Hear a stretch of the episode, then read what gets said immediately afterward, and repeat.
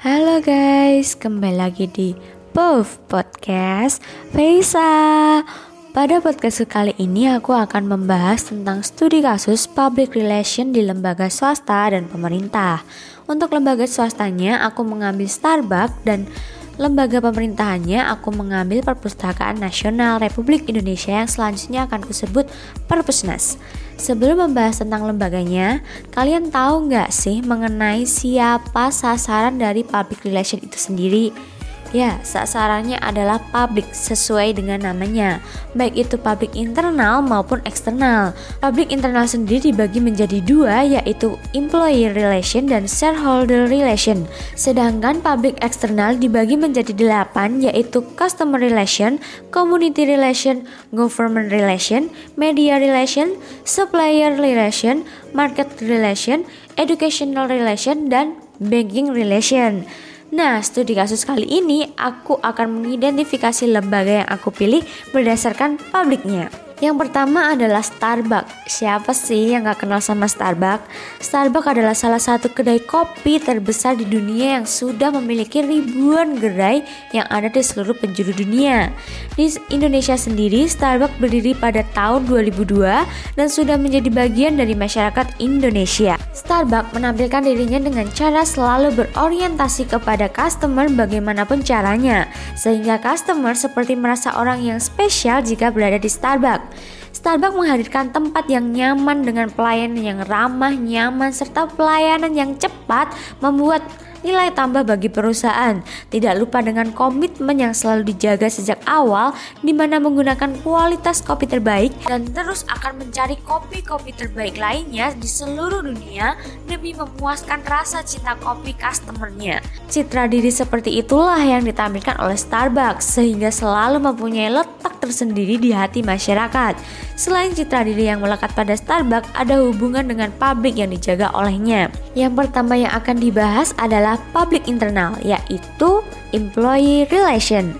Starbucks selalu memperlakukan karyawannya sebagai mitra atau partner sehingga pengalaman bekerja di Starbucks adalah menyenangkan. Diharapkan karyawan yang bekerja dengan Starbucks juga mendapatkan kenyamanan ketika bekerja. Mereka dapat melakukan kritik dan saran kepada perusahaan. Starbucks memberikan kebebasan kepada karyawannya namun harus disertai tanggung jawab atas apa yang telah dilakukan. Manajer memberikan kesempatan kepada barista untuk memberikan masukan dan jam kerja yang fleksibel namun menuntut tanggung jawab agar memberikan yang terbaik untuk kepuasan customer quality service. Nah, karena pelakuan Starbucks kepada karyawannya yang selalu baik, maka tidak sedikit loh orang berlomba-lomba berusaha menjadi barista di Starbucks. Berikutnya yaitu shareholder relation. Starbucks juga selalu menjaga hubungan baik dengan para investornya. Dibuktikan dengan adanya lima perusahaan besar yang berinvestasi di Starbucks, yaitu Vanguard Inc., BlackRock Inc., State Street Corp., Magellan Asset Management Ltd, dan Howard Schultz. Kemudian pada public eksternal yang pertama adalah customer relation. Ada tiga poin Starbucks dalam memperlakukan customernya yang membuat customer akan merasa spesial. Yang pertama adalah customer service commitment yang dimiliki oleh Starbucks. Yang paling berbeda dengan perusahaan lain di bidang yang sama adalah barista Starbucks selalu ingat dengan nama pelanggan yang selalu datang atau bahkan pesanan dari pelanggan tersebut. Ketika pelanggan dipanggil namanya ketika baru datang dan barista tahu apa yang pelanggan itu inginkan, maka pelanggan akan merasa diperlakukan dengan spesial sehingga memiliki ikatan dengan baristanya. Yang kedua adalah terjalin komunikasi yang baik antara barista dengan pelanggan. Barista dibekali cara berkomunikasi yang baik melalui public speaking class, di mana barista yang dipilih untuk mengikuti kelas tersebut adalah barista yang memang mempunyai komunikasi yang baik. Cara berkomunikasi barista juga terbukti membuat pelanggan yang baru sekali datang ataupun yang sudah menjadi regular customer merasa nyaman dan ingin kembali ke gerai Starbucks untuk menikmati produk yang dibawakan langsung oleh barista. Dan poin yang terakhir adalah barista Starbucks selalu mengikuti nilai-nilai yang tertera pada budaya perusahaan tersebut, di mana di dalamnya terdapat visi dan misi perusahaan yang salah satunya adalah to be inspired people dan share love each other. Berikutnya adalah government relation. Pemerintah Indonesia saat ini mendorong investasi yang masuk berupa investasi hijau. Semua investasi berorientasi pada keunggulan dan kearifan lokal. Maka dari itu, Starbucks juga ingin ikut serta dalam program itu dengan cara mulai berinvestasi pada kebun kopi yang ada di Papua dan kemudian biji kopi itu juga akan diekspor. Yang ketiga ada media relation. Starbucks selalu memaksimalkan penggunaan media untuk mencapai pemasarannya di seluruh kalangan. Dilihat dari penggunaan Instagram, Twitter, dan lain, Starbucks cukup aktif melakukan interaksi dengan followers setiap harinya seperti mempromosikan produk baru, menginformasikan event, menginformasikan lokasi outlet Starbucks Indonesia, dan menanggapi kritik dan saran dari followers. Selanjutnya ada supplier relation. Meskipun kopi adalah salah satu volume perdagangan global tertinggi, pasar kopi sangat terfragmentasi. Hal ini menyebabkan proses konsolidasi di mana kopi diserahkan dari petani ke pengumpul, pengumpul ke penggilingan, penggilingan ke eksportir atau perantara dan terakhir ke importir. Importir atau perantara kemudian menjual kopi ke pemanggang dan produser kopi pasar massal besar. Namun, Starbucks ingin menjaga kualitas kopinya dengan bekerja kembali dengan rantai pasokan ke petani yang sebenarnya.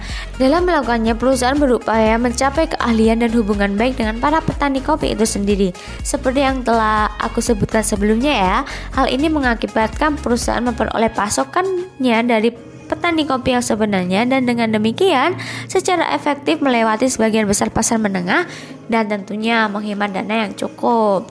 Nah, berikutnya nih ada market relation. Kekuatan operasi Starbucks adalah mereka bisa selalu memberikan produk yang high quality ke seluruh retailnya di dunia.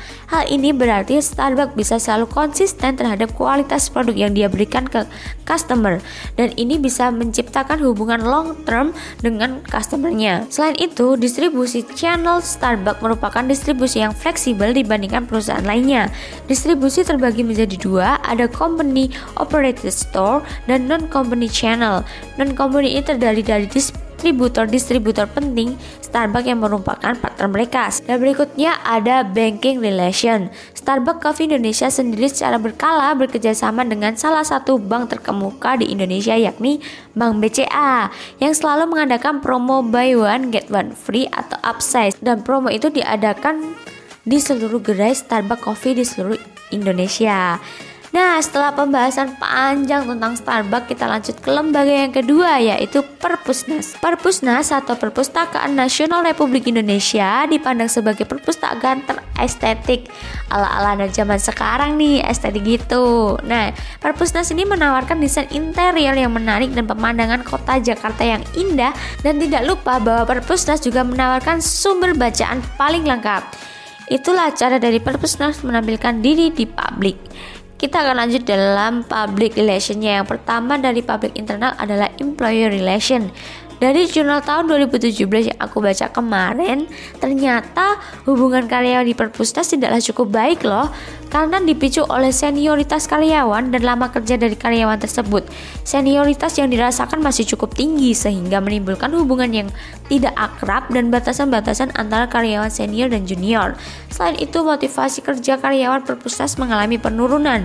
Ini terbukti dari evaluasi akuntabilitas kinerja instansi pemerintah atau AKIP yang dilakukan oleh Kementerian Pendayagunaan Aparatur Negara dan Reformasi Birokrasi atau Kemenpan dan RB Penilaian yang menurun menunjukkan bahwa karyawan perpusnas tidak memiliki motivasi kerja yang kuat dalam melaksanakan pekerjaannya. Tetapi saat ini tentunya ada evaluasi kerja dari pemerintah terhadap kinerja karyawan perpusnas pada saat itu. Sehingga saat ini berdasarkan LKIP 2020 yang aku baca, hubungan karyawan dan kinerjanya sudah cukup meningkat loh dibuktikan dengan terlampauinya perealisasian kinerja dari target yang telah ditetapkan. Berikutnya kita akan membahas public external. Yang pertama adalah customer relation.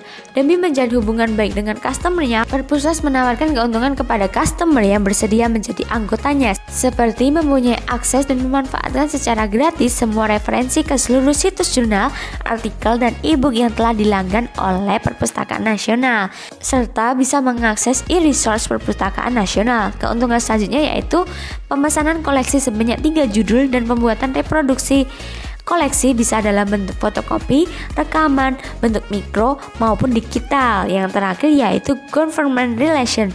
Perpusnas juga menjalin hubungan dengan pemerintahan daerah, salah satunya Jawa Timur untuk meningkatkan hubungan kelembagaan antar instansi dalam melaksanakan pelayanan, pengembangan, dan pembinaan perpustakaan. Perpusnas berupaya meningkatkan indeks literasi masyarakat guna meningkatkan kualitas sumber daya manusia. Nah, itu tadi guys, penjelasan mengenai studi kasus lembaga, swasta maupun pemerintah. Sekian dulu ya podcast kali ini. Bye bye.